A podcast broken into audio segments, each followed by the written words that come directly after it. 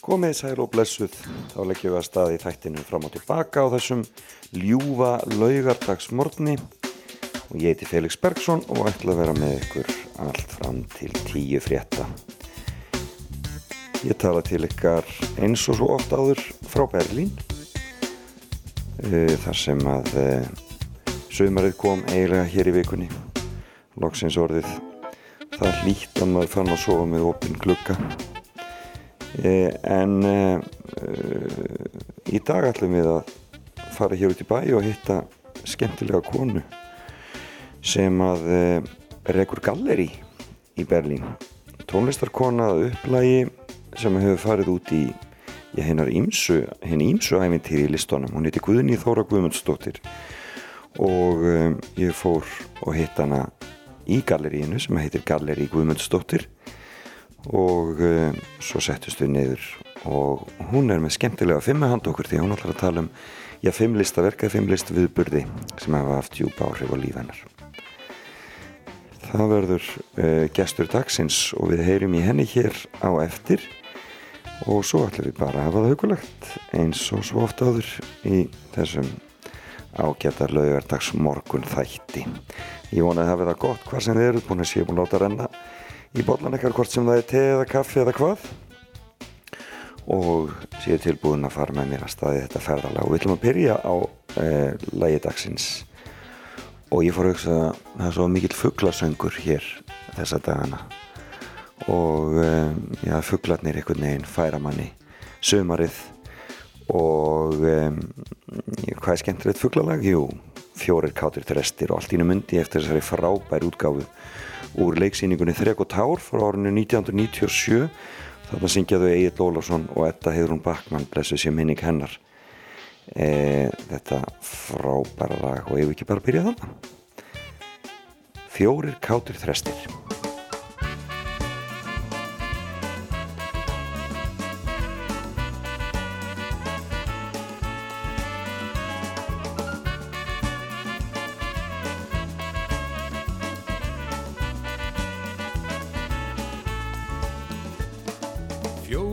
Kátir þrestir sátu saman á kvist. Vorljóðin sín sungu af list. Bæði söngum ást og unaðindi og ró Húsitt í björtum skó. Ef þú kemur hér, Ef þú kemur hér þegar kvölda fer, Þegar kvölda fer muntu heyra það, Muntu heyra það. Söngin sem ég á. Söngin sem ég vann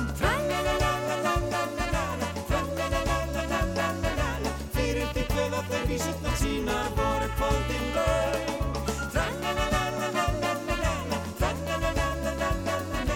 Harmarnir flýja flustar það þeirra sög Fjórir kátir þrestir sátu saman á graun Hægt færðist nær, haustið í laug Litlir fuglar urðu fleir unaður nóg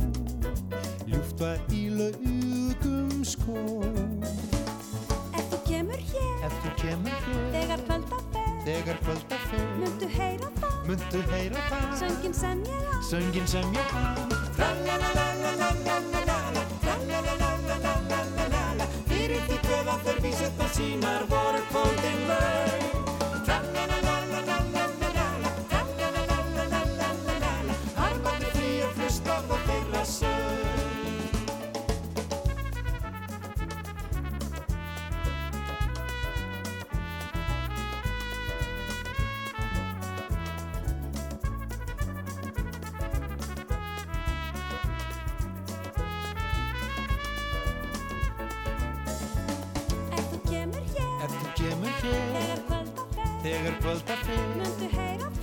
það, Muntu heyra það söngin sem ég á. Söngin sem ég vann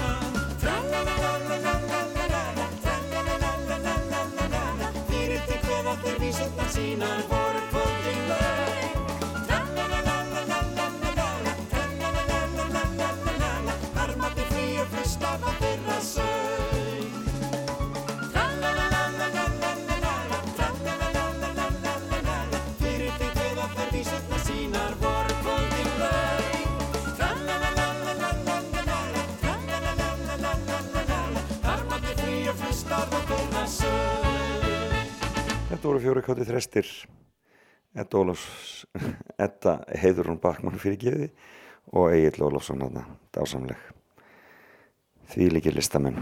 Um, en e, við skulum færa okkur ennþá lengra á aðra eigu ennþá lengri burtu. Eh, hún heitir Aldous Harding sem hefur aldrei slegið í gegn er frá Nýja Sjálandi og fyrsta lagi svona sem ég heyrði sem að mér fannst og vakti aðtekli mín á henni er uh, The Barrel það hljómar svona og svo byrjum við eh, Guðni Þóra Guðmundsdóttir að rappa í bakgarðinum eh, heima hjá henni í miðborg Berlínar I feel your love. I feel time is up. When I was a child,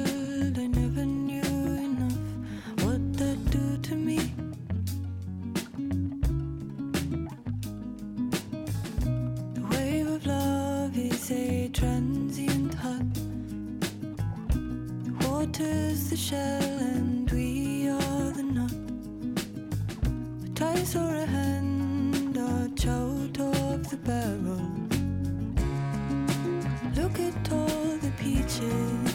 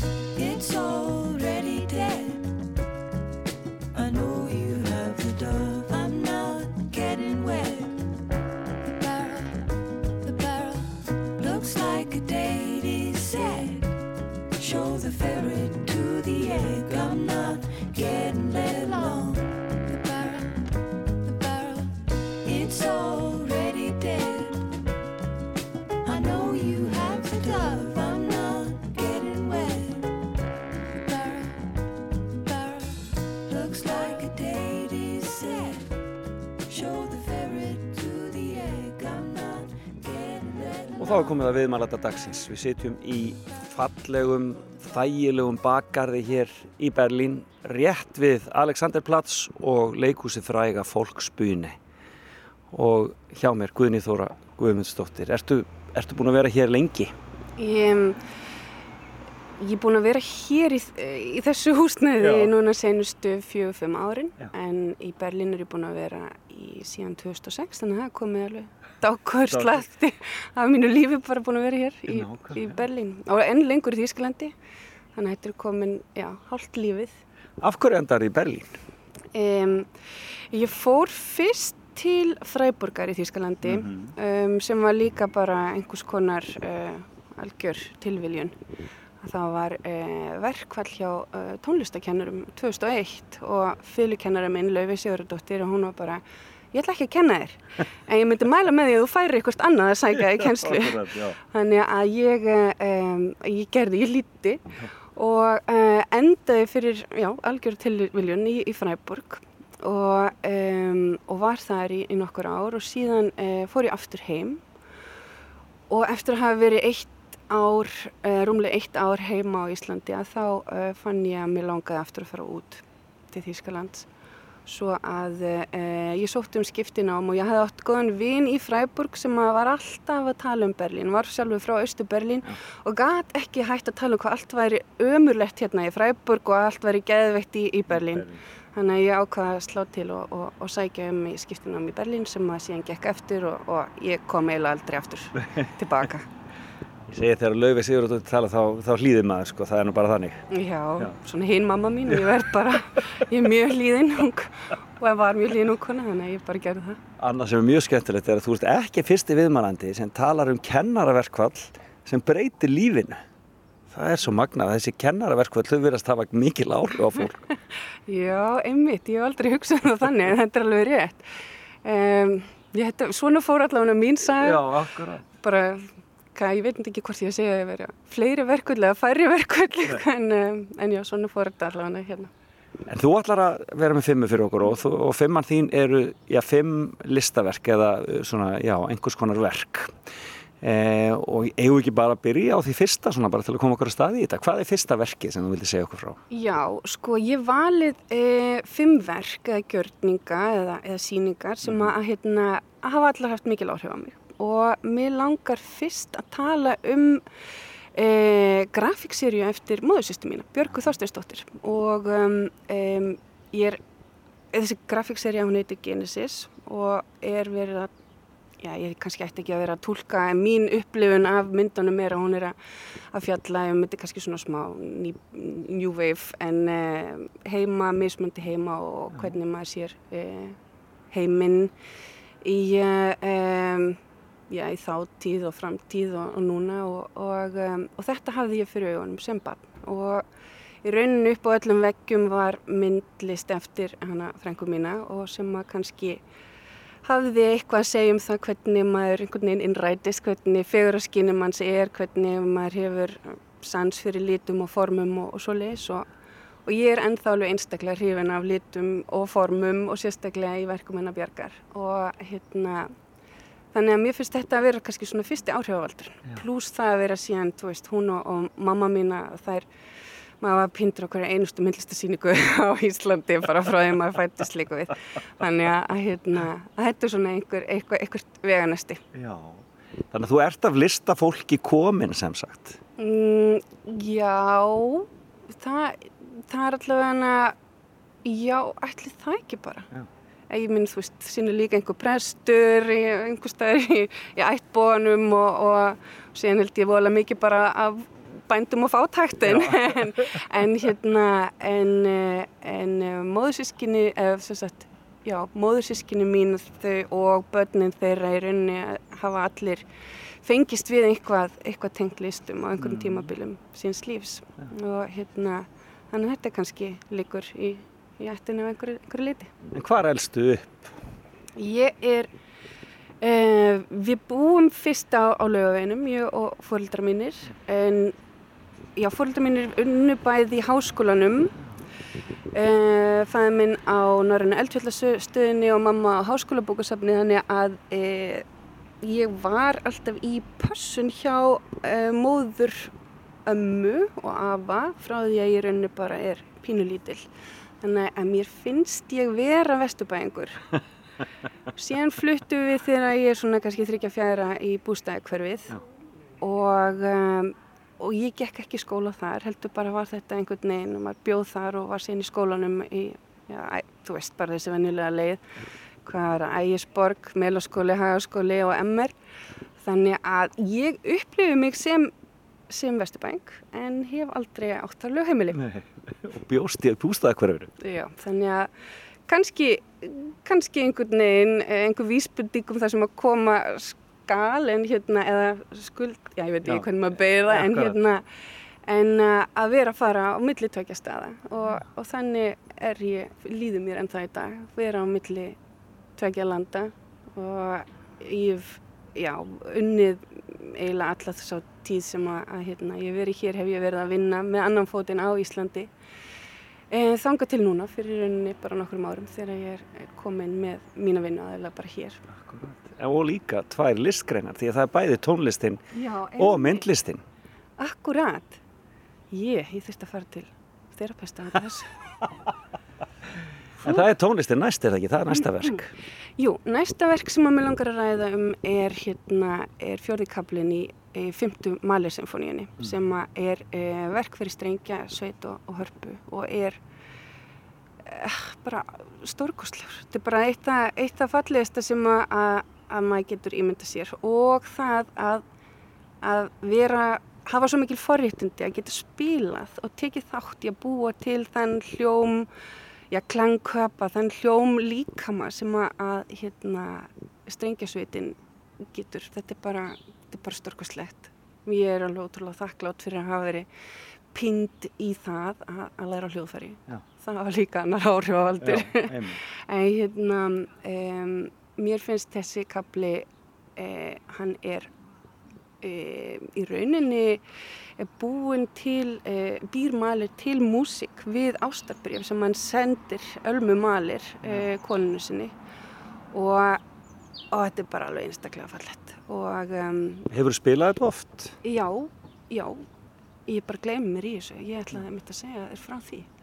Að í fyrsta skipti sem ég spilaði þennan kapla úr Malur 5 uh, að það var í listaháskólanum í Strengjasveit listaháskólans. Um, og þar uh, stjórnaði Gunnar Kvaran þessu verki og í rauninni kynnti okkur fyrir, fyrir, fyrir dýrðinni. Og um, og það verður rauninni kveikjana því að við höldum síðan áfram krakkarnir í þessari strengjasveit um, sem vorum í listaháskólanum á þeim tíma að við höldum áfram og stopnum okkar eigin strengjasveit sem að, hétt og heitir strengjasveitin Skark og við vorum, fórum síðan hérna, eftir útskrift í rauninni flest út um alla, alla trissura í nám og hittumst síðan í fríum uh, á Íslandi til þess að spila saman og spilum líka, fórum líka í tónleikaferðalögu, við spilum hér í Berlín og, og hérna og í Noregi og þetta var bara alveg aðeinslegt tímabil. Um, þarna, þarna vorum við um, svona í forsvari fyrir hljómsveitina, eða strengjasveitina þá voru, voru ég og síðan uh, Bjarni Fríman Bjarnason sem var stjórnandi. Og, uh, og Viktor Orri Árnason sem að, að var líka stjórnandi og samti líka fyrir sveitina. Þannig að þetta, þetta var kannski líka viss leikvöllur fyrir hérna fyrir okkur uh, til þess að prófa okkur áfram með tónleikaformið og sem kannski er einhver vísbending af því sem að síðan í mínum ferli fer, fer algjörlega yfir í myndlistina en, en, uh, en já, þannig að já. Viktor Orri náttúrulega þekktur aðeins úr poppinu úr hljónstinni Hjaltalín, er það ekki rétt hjá mér? Jú, einmitt, hann er þarna aðal fiðluleikar í Hjaltalíns. Hjaltalíns og, hérna, og hann hefur komið við að við bæði verið með e, Ólafi Arnalds og, og, og með sitt eigið efni sem er alveg bara mjög, mjög flott líka. Dásanlegt. Þannig en þið heldur áfram og þriðja verkið er annað verk sem að Skark tók upp, er það ekki? Jú, um, sko ég, uh, þriðja verkið er eftir vinn minn, uh, Pál Ragnar Pálsson. Við, hérna, þetta var endur ekki skrifað fyrir sveitina sjálfa, þetta heldur skrifaði hann þetta verk sem heitir Supremacy of Peace fyrir uh, eistneska strengjasveit Okay. og, uh, og við tókum þetta síðan upp á tónleikum bæði hér í Berlín í tilöfni að því að, að fórseti Íslands kom í heimsókn og heldum við alveg mega tónleika í stúdíónu hans Ólafs Eliassonar og síðan spilum við þetta líka á uh, tónleikum í bílakjallarinn á Hörpum. Þannig erum við alveg bara að reyna að vera eins uh, nýmóðins eins og hægt er. Búin að vera í klassísku tónlistanámi bara allt lífið og, og, og viljum breyta til og erum alveg bara að reyna að, eh, að brjóta blað í sögunni og við gerðum það. Það skal ég sko segja, við brutum blað því að við eh, fórum í samstarf við eh, félag eh, Suzuki jeppa eiganda. Og þetta er náttúrulega, þetta kemur, þetta rifjum hans Bjarnafríman Bjarnasonar, þetta því að hann er, hérna, er og var á þeim tíma, ég veit ekki hvort hann er ennþá, eldheitur eh, áhugamaður um, um Suzuki jeppa. Suzuki, Þannig að við fáum þarna til okkar í þetta samstarf fjóra, fjórar súkkur og hérna eigenda þeirra.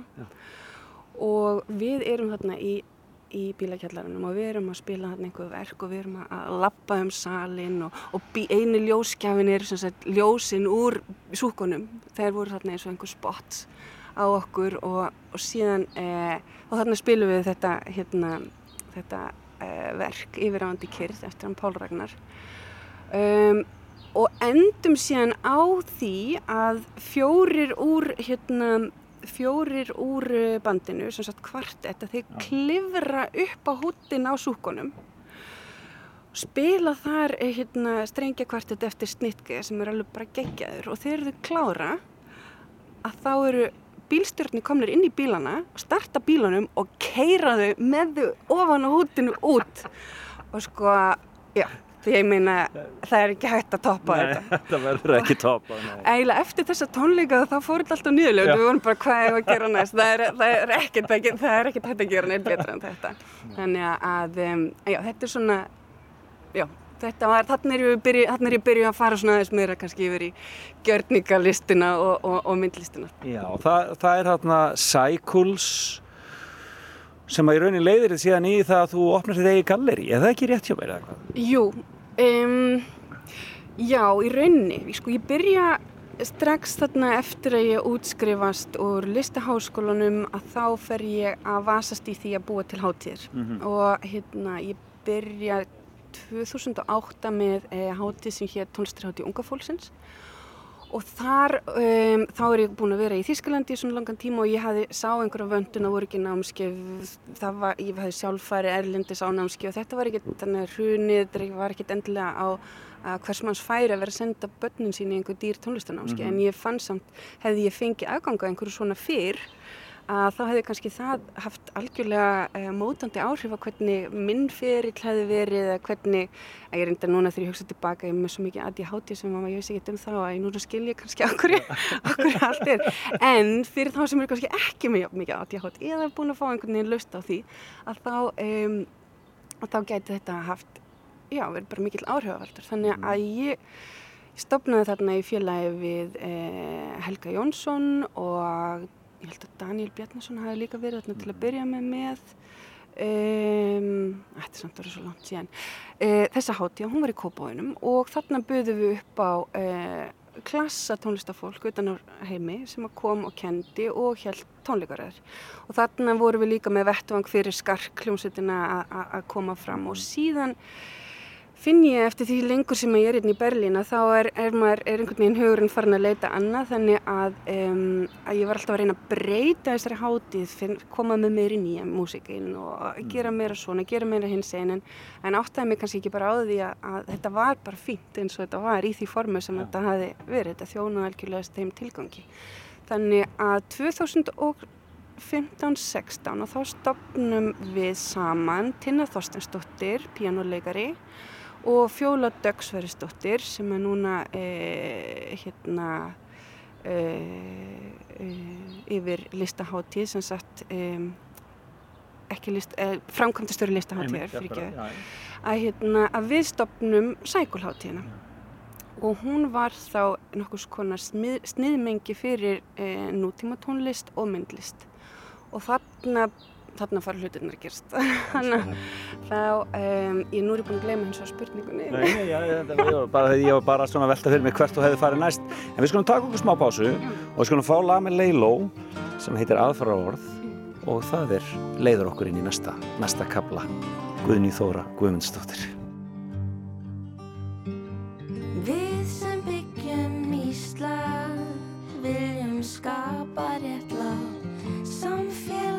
Sem allir sitja við sama borð.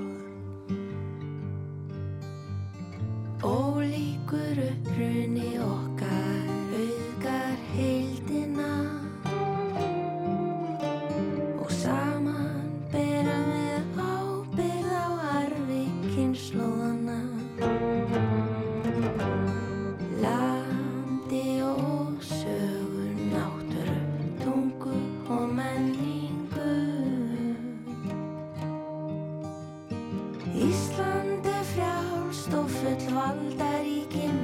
frelsi. Jafnrétti líðræð og mannutindað hortsteinum Stjórnvöld skulu vinna að velferð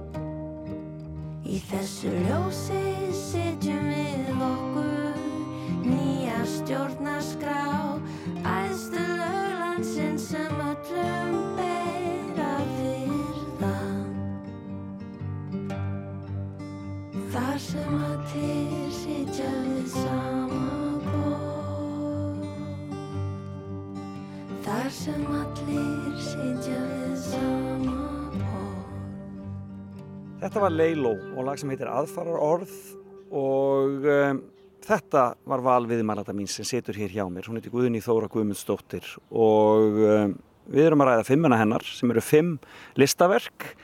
Við erum búin með, eða svona, já, eða, eða verk, bara svona almennt. Við erum búin með grafíkverk eftir Björgu Þorsteinsdóttur. Við erum búin með Maler, það er 15. sinfæniðan, fjórði kaplinn og við erum búin með uh, svakalega upp og komið bílakjallarnum í hörpu. Ég, ég spurði þið nú ekki á hann, hvernig fóruð þið eiginlega þessi í stúdíónu hjá Ólafi Eliassinni? Já, við vorum með enga bíla þar. Þá vorum við bara meira að dreifa okkur um rýmið og, og eitthvað svo leiðis. Það voru enga súkur þar, sem sagt. súkur þar. En aðfarrorð, af hverju eru að velja aðfarrorð núna? Já, þetta kemur rauninni í beinu framhaldi af sækulháttíðinni Já. Uh, sem var einni í Kópavogi og, um, og þarna fyrir uh, svona, já, fyrir 2018 þegar að eh, var í rauninni, hvað segir maður, 100 ára aðmæli sjálfstæði Íslands. Það byrjuði að hugsa um bara, þetta er eitthvað sem maður áhugast að tala um. Hvernig, hvernig hefur Ísland verið í mótun, sérstaklega þegar maður er búin að vera lengi einhvers staðar annar staðar, sér kannski einhvern veginn aðrar þjóðarmyndanir og hvernig fólk er og, og byrja kannski að sjá þessi íslensku enginni betur að fyrir maður að spyrja sig, já, okkur erum við svona, okkur er þetta hins vegar? Og, og, og ég var í, uh, í mikilli samræði við uh, konu sem heitir Sara Öldudóttir og, uh, um, og sem bjóð hér á þeim tíma hér í Berlín líka og við, okkur fannst þetta mjög áhugavert einmitt að sjá hvernig okkar gerð er á, á mannsku manngerð á Íslandi, hvernig við erum, okkur kemur þetta hrun, okkur er allt og, og líta á það sem sagt í samhengi við e, þessa stuttu sjálfstæðisögu. Og þannig að efnistök hátíðarinnar byrja að e, þróast í kringum það. Og þá lág beinast við að byrja pantaverk og við pöntum verk hjá e, listamannadúi sem að e, heita Líbia Castro og Ólafur Ólafsson og voru fulltrúar Íslands á fenniðan tvíringnum 2012 held ég. Og, uh, og þau hafa mikið verið að fjalla einmitt um þetta og gert verk sem að heitir uh, Does Your Country Exist og hafi gert eitthvað með stjórnarskrána sem við eigum núna fyrir. Þannig að þetta lág beinast við.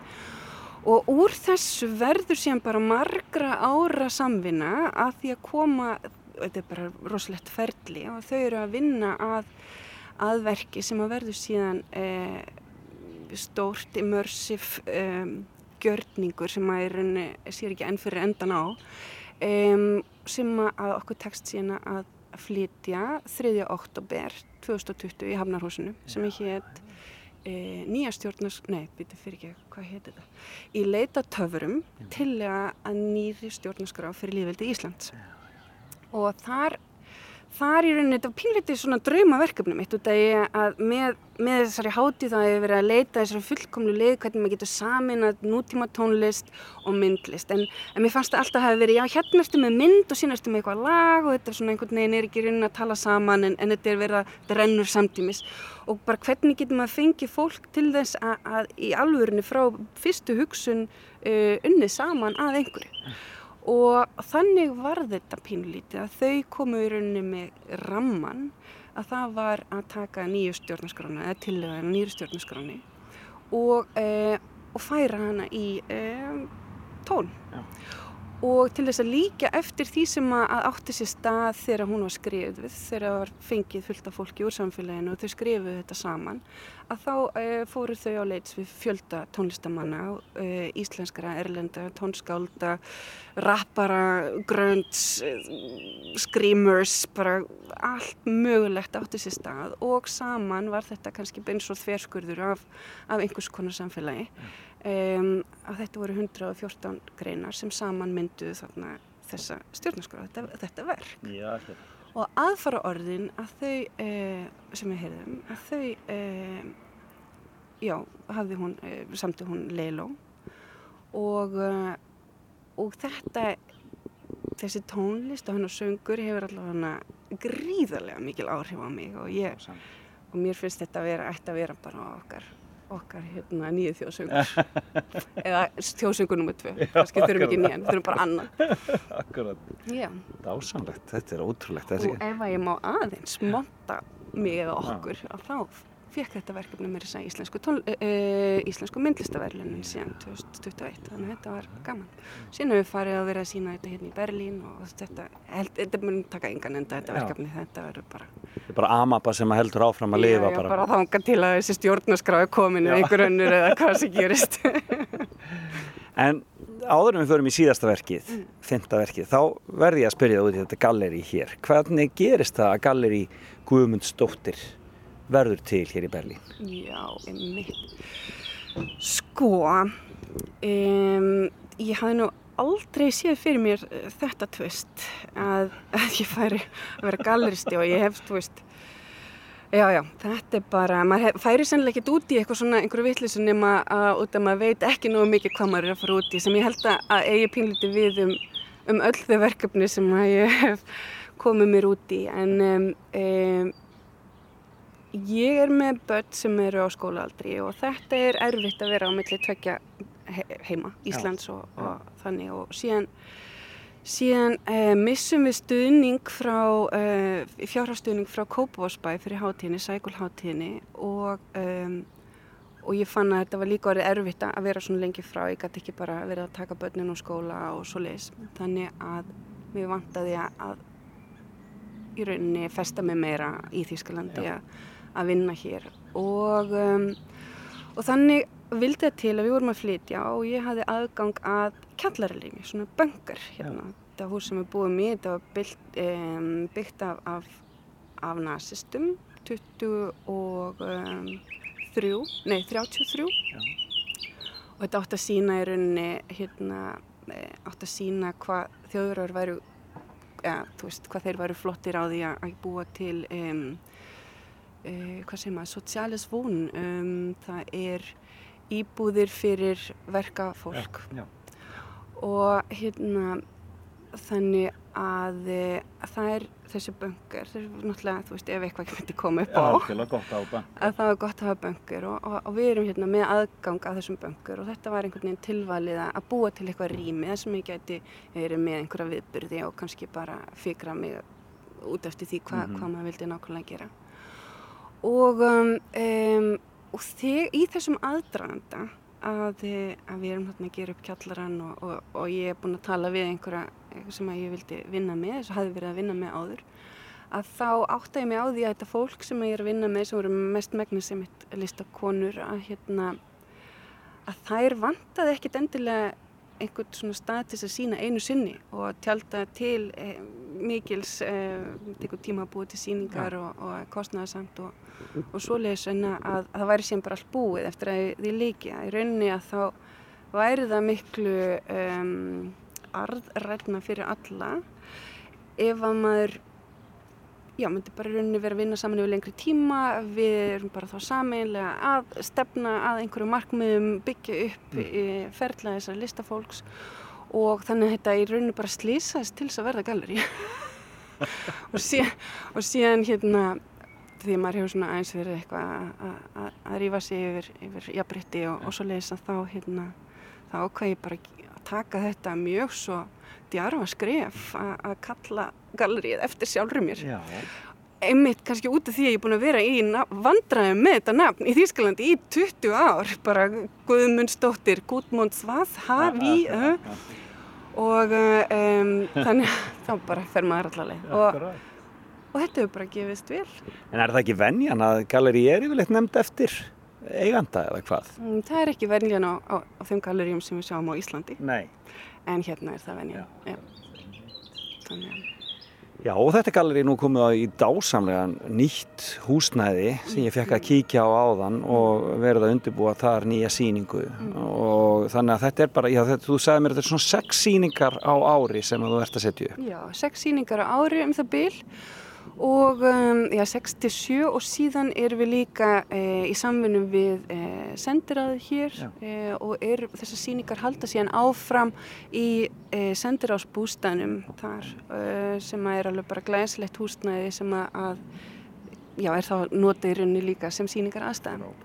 Og Íslandi í hag í raun og íslensku listafólk. Ég heldur betur. Þetta er náttúrulega ótrúlegt hvað fólk eh, hefur mikinn áhuga á að fara inn á svona diplomatísk rými en þetta er, þetta er mikill hafa fyrir okkur. Við fáum þannig allskips fólk sem að við kannski hefðum ekki aðgangað annars. En þetta er sem er svo skemmtilegt við þetta er þessi svona feminíska orka sem er yfir þessu galleri og þessi svona, já, svona kvenn orka og ég veit að síðasta verkið tengist því líka á einhverju leiti. Já, það er rétt.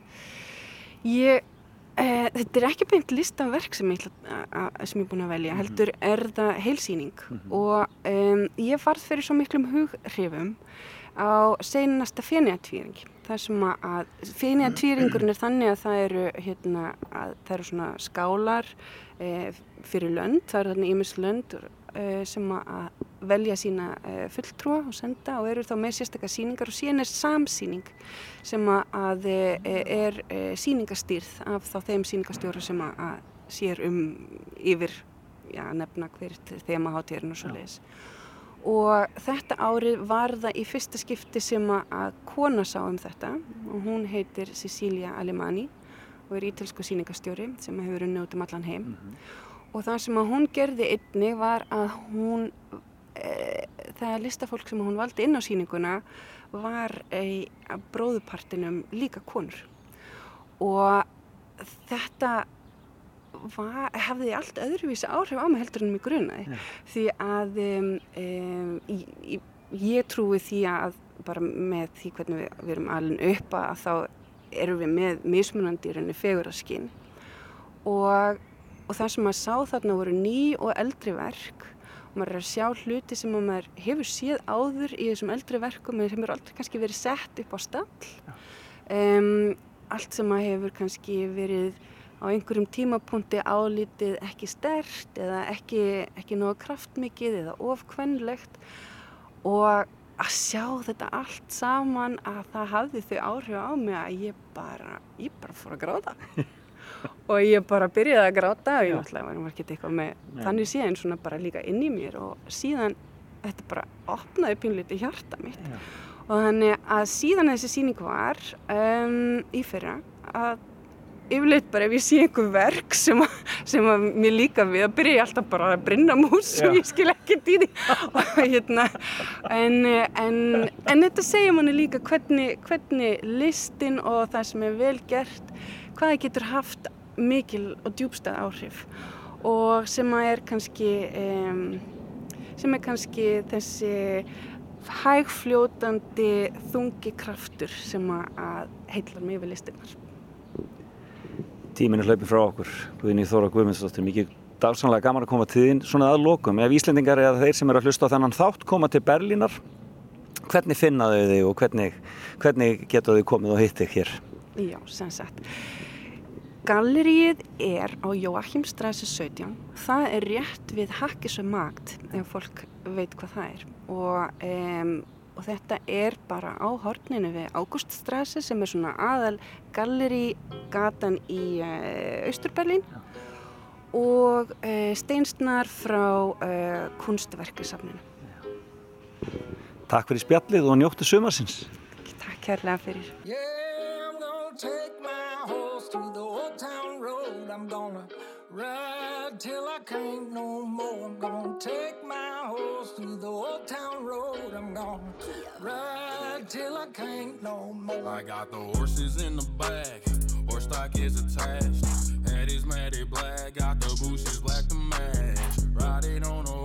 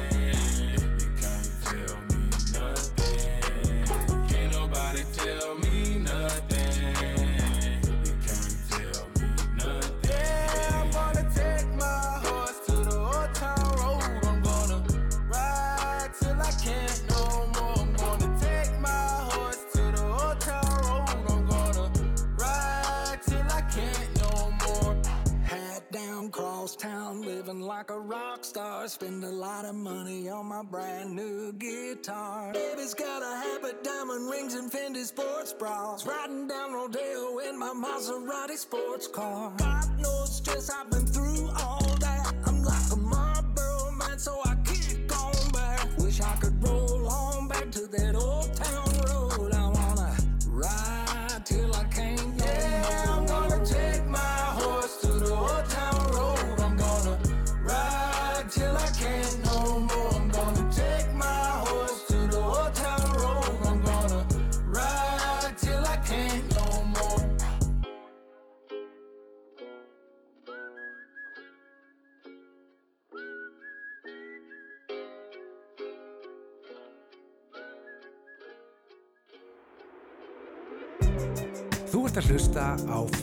Tilbaka á Rástvö.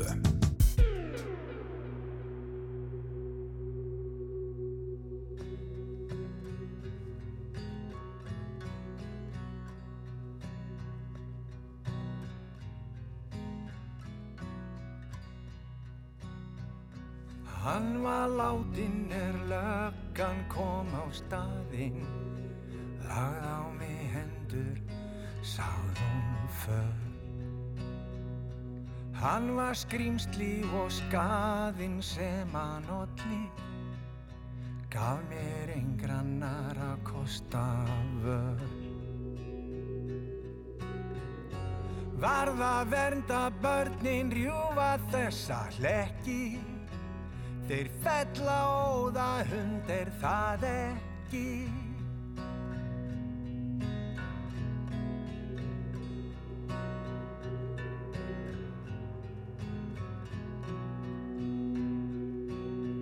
Hann lá á gólfinu á grúfu við borðin Fyrir utan blikkandi bláljós Í augum hennar var óveðrið horfið. Hún sagði að nafning sitt væri ástrós. Varða vernda þau brjóta þessa hlekki Þeir drepa óða hund er það ekki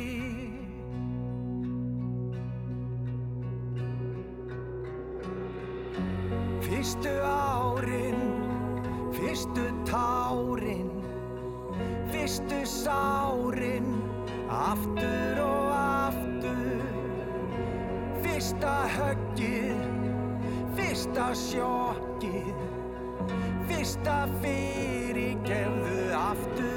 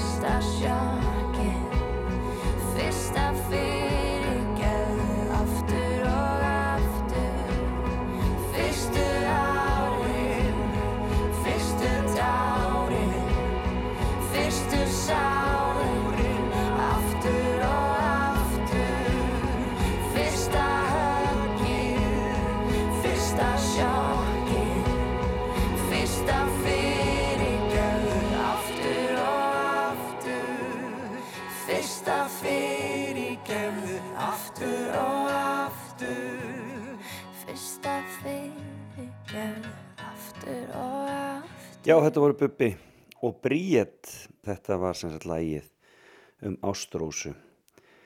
Bubbi alltaf ótrúlegur í því að, að eh, fjalla um e, viðkvæm málefni eins og heimilsóbeldir þarna í þessu tilfelli. E, e, við förum að taka okkur pásu hér í fram og tilbaka sem er sendur frá Berlín að þessu sinni. Eh, gaman að tala við hana Guðnýju Þóru uh, Guðmundsdóttur og ég mæli eindreið með því að þið kíkið til hennar í galleríið hennar þarna e, niður í bæ. E, sérstaklega fallegt fallegt gallerí, falleg hérna, falleg aðstæða sem er búið að koma þarna upp og mikil áhersla á íslenska myndlist og sérstaklega íslenskar konur og ég bara já, get ekki mælt násamlega með þessu. Það er ekkert mál að finna galleri Guðmundsdóttir bæði á Google uh, og já, á öllum kortum og svo auðvitað á Facebook. Þannig að það er það er auðvelt. Það er ótrúlegt hvað Íslendingar er að gera og fólk úr okkar samfélagi er að gera flotta hluti út um allan heim. En eins og ég sagði, það fyrir að líða að nýju fréttum og eigum ekki að leifa Elton John að klára þetta hér fram að nýju. Hann er náttúrulega búin að vera á hljómleikaferðalagi og um fjölmarkir e, sem að hafa bara lagt land undir fót til þess að fara og sjá kallinn á hans síðasta hljómleikaferðalagi og e, hann náttúrulega bara er stórkostlegur en þá, segja þeir. Þannig að það er ekkert nema skemmtilegt og e, e, við skulum taka tónleikútgáfi hér sem að hann syngur með George Michael minning hans Don't let the sun go down on me og svo heyrustu aftur eftir nýju. Blessi Bili.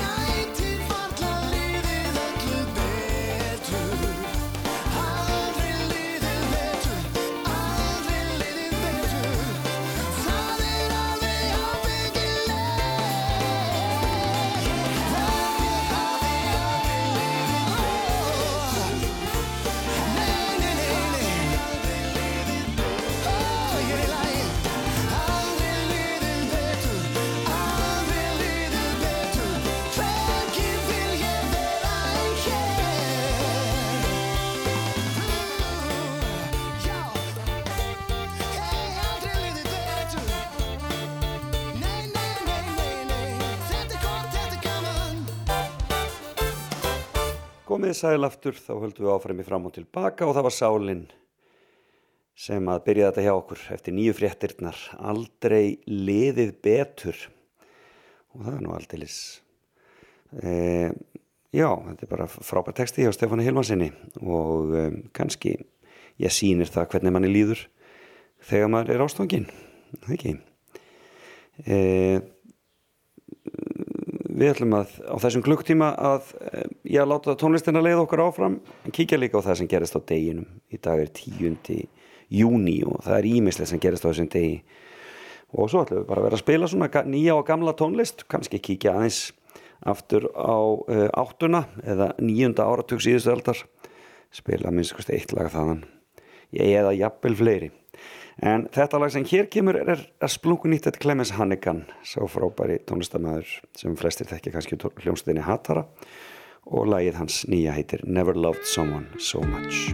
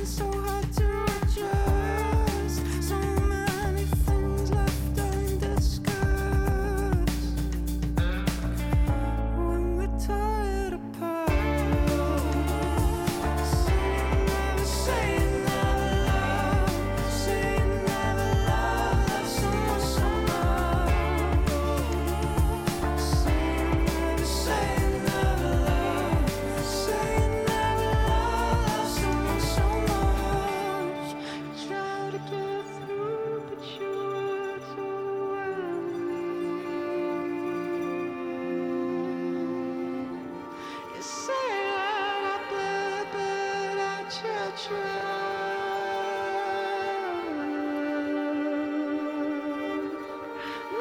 seems the same since we broke it out.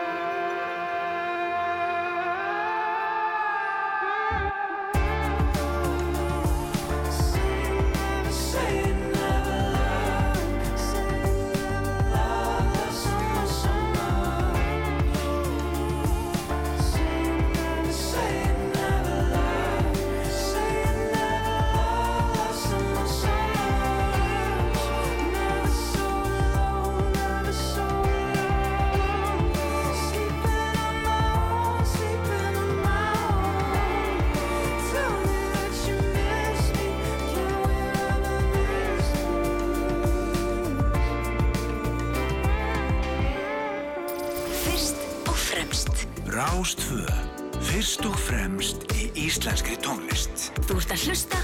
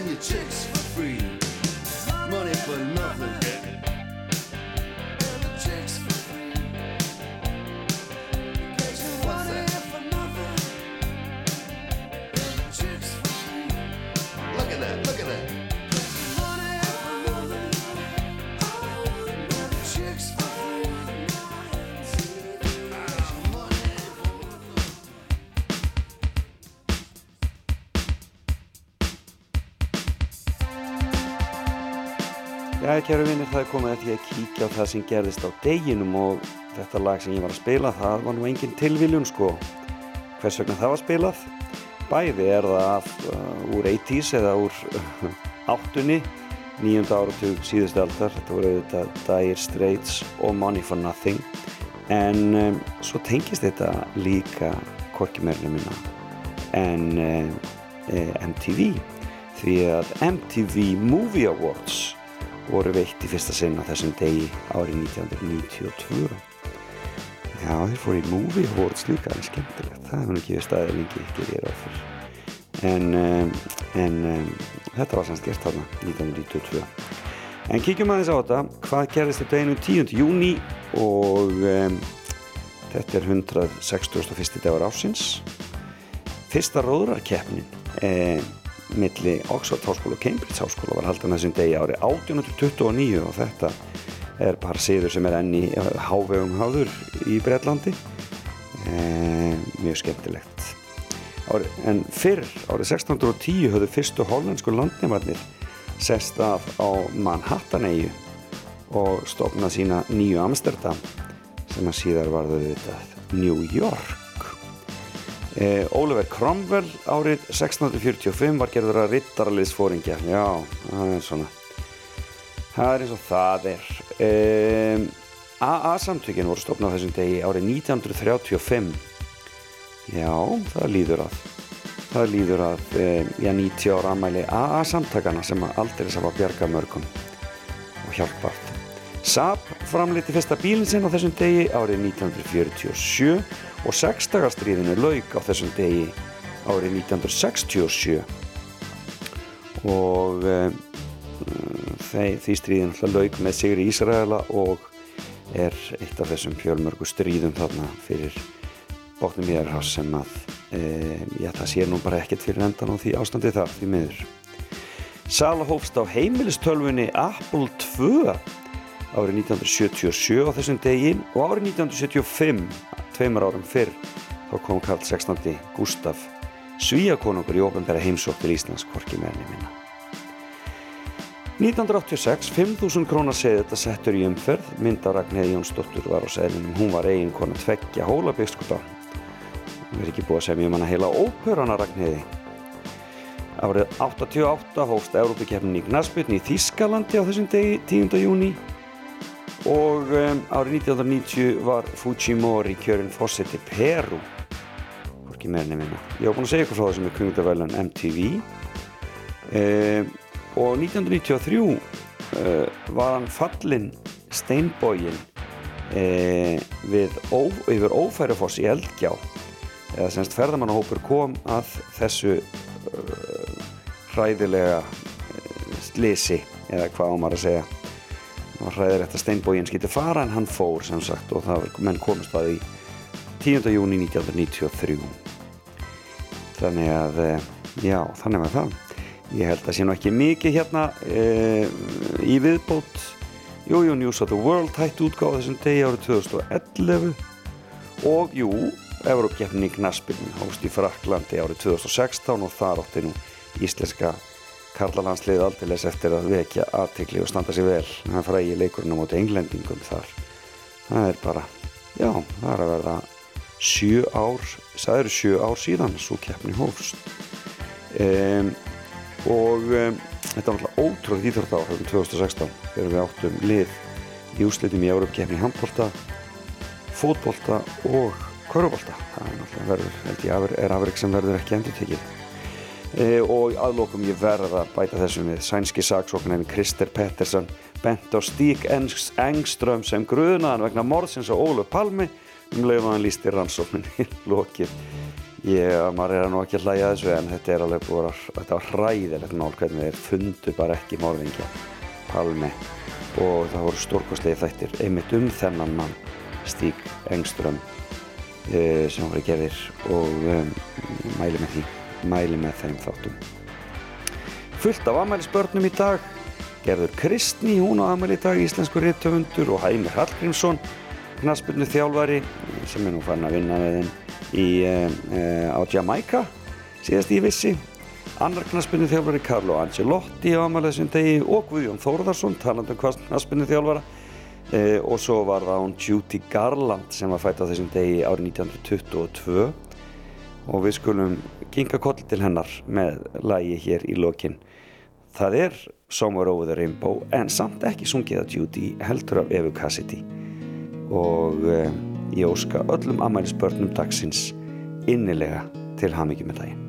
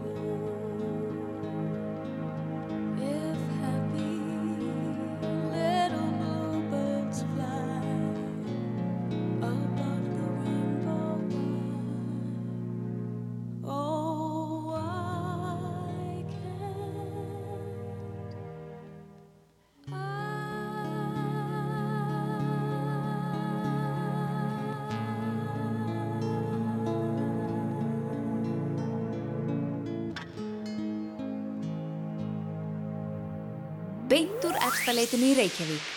Fram og tilbaka á Rástföð.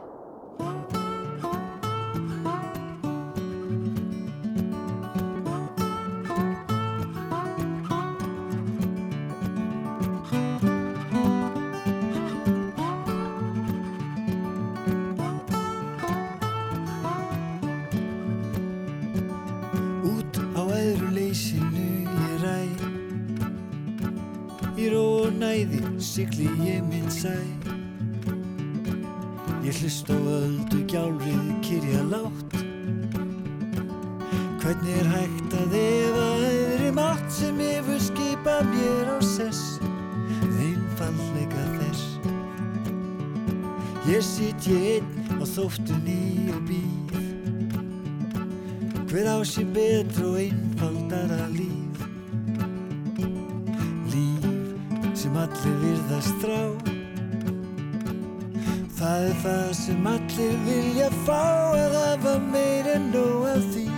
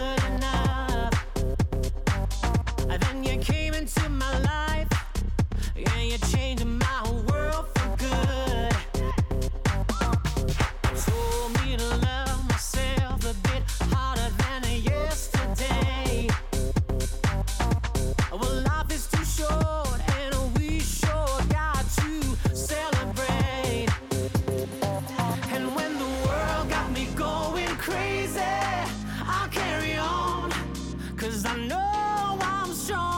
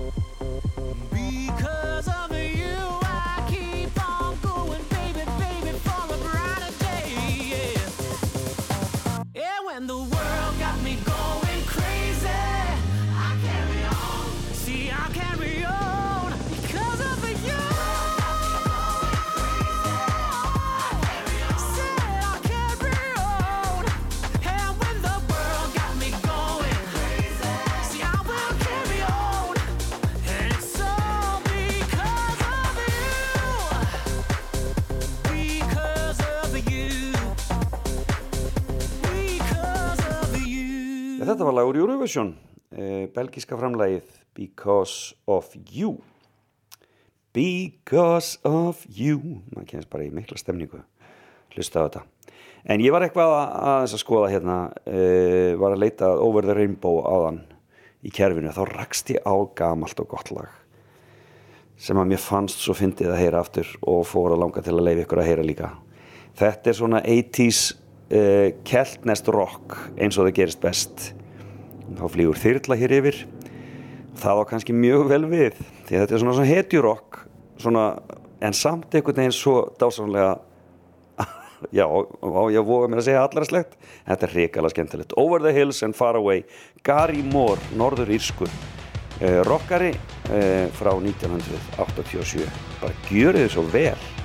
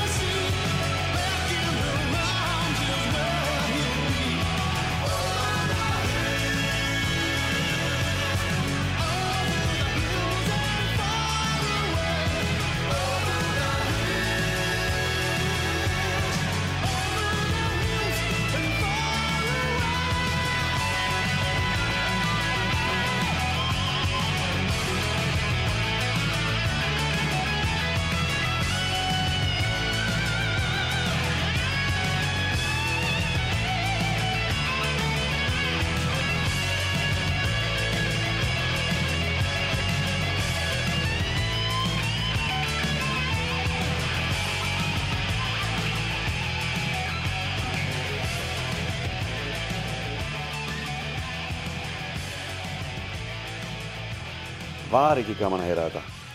Over the hills and far away, þetta var Gary Moore og það var gerðað þessu ábreyða e, eh, í já, byrjun, e, byrjun aldarinnar og það var finsk hljómsveit Nightwatch sem gerði útgáfi sem var bara þó nokkuð vinsel. Það var hitt í 2001. En þetta er orginallinn og þetta er algið snild og mjög í endanum. En hún dó að lípa, hún er aldrei svinsæl þessa dagana og ég vil ekki bara fá hana næst? Lag sem heitir Dance the Night. Og hún má aldrei stjúta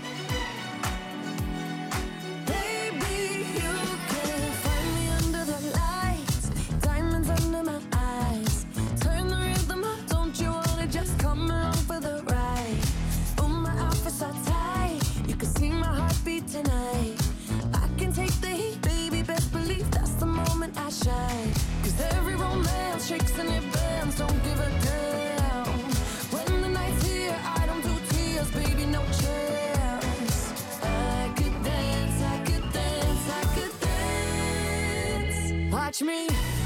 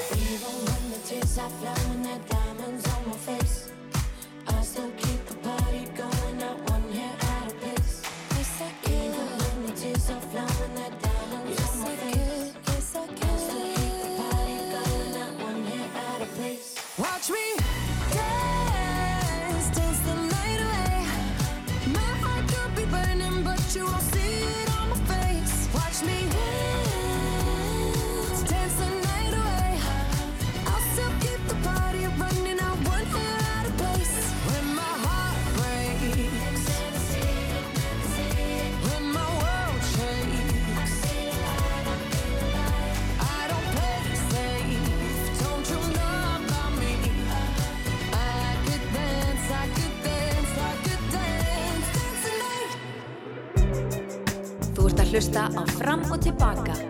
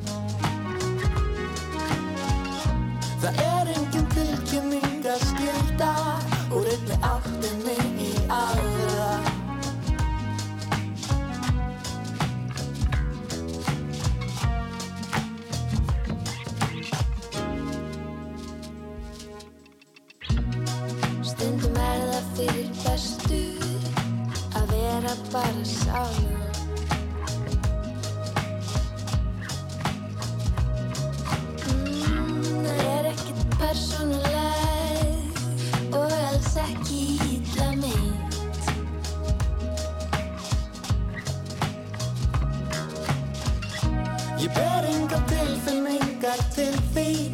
Í eina áttina eða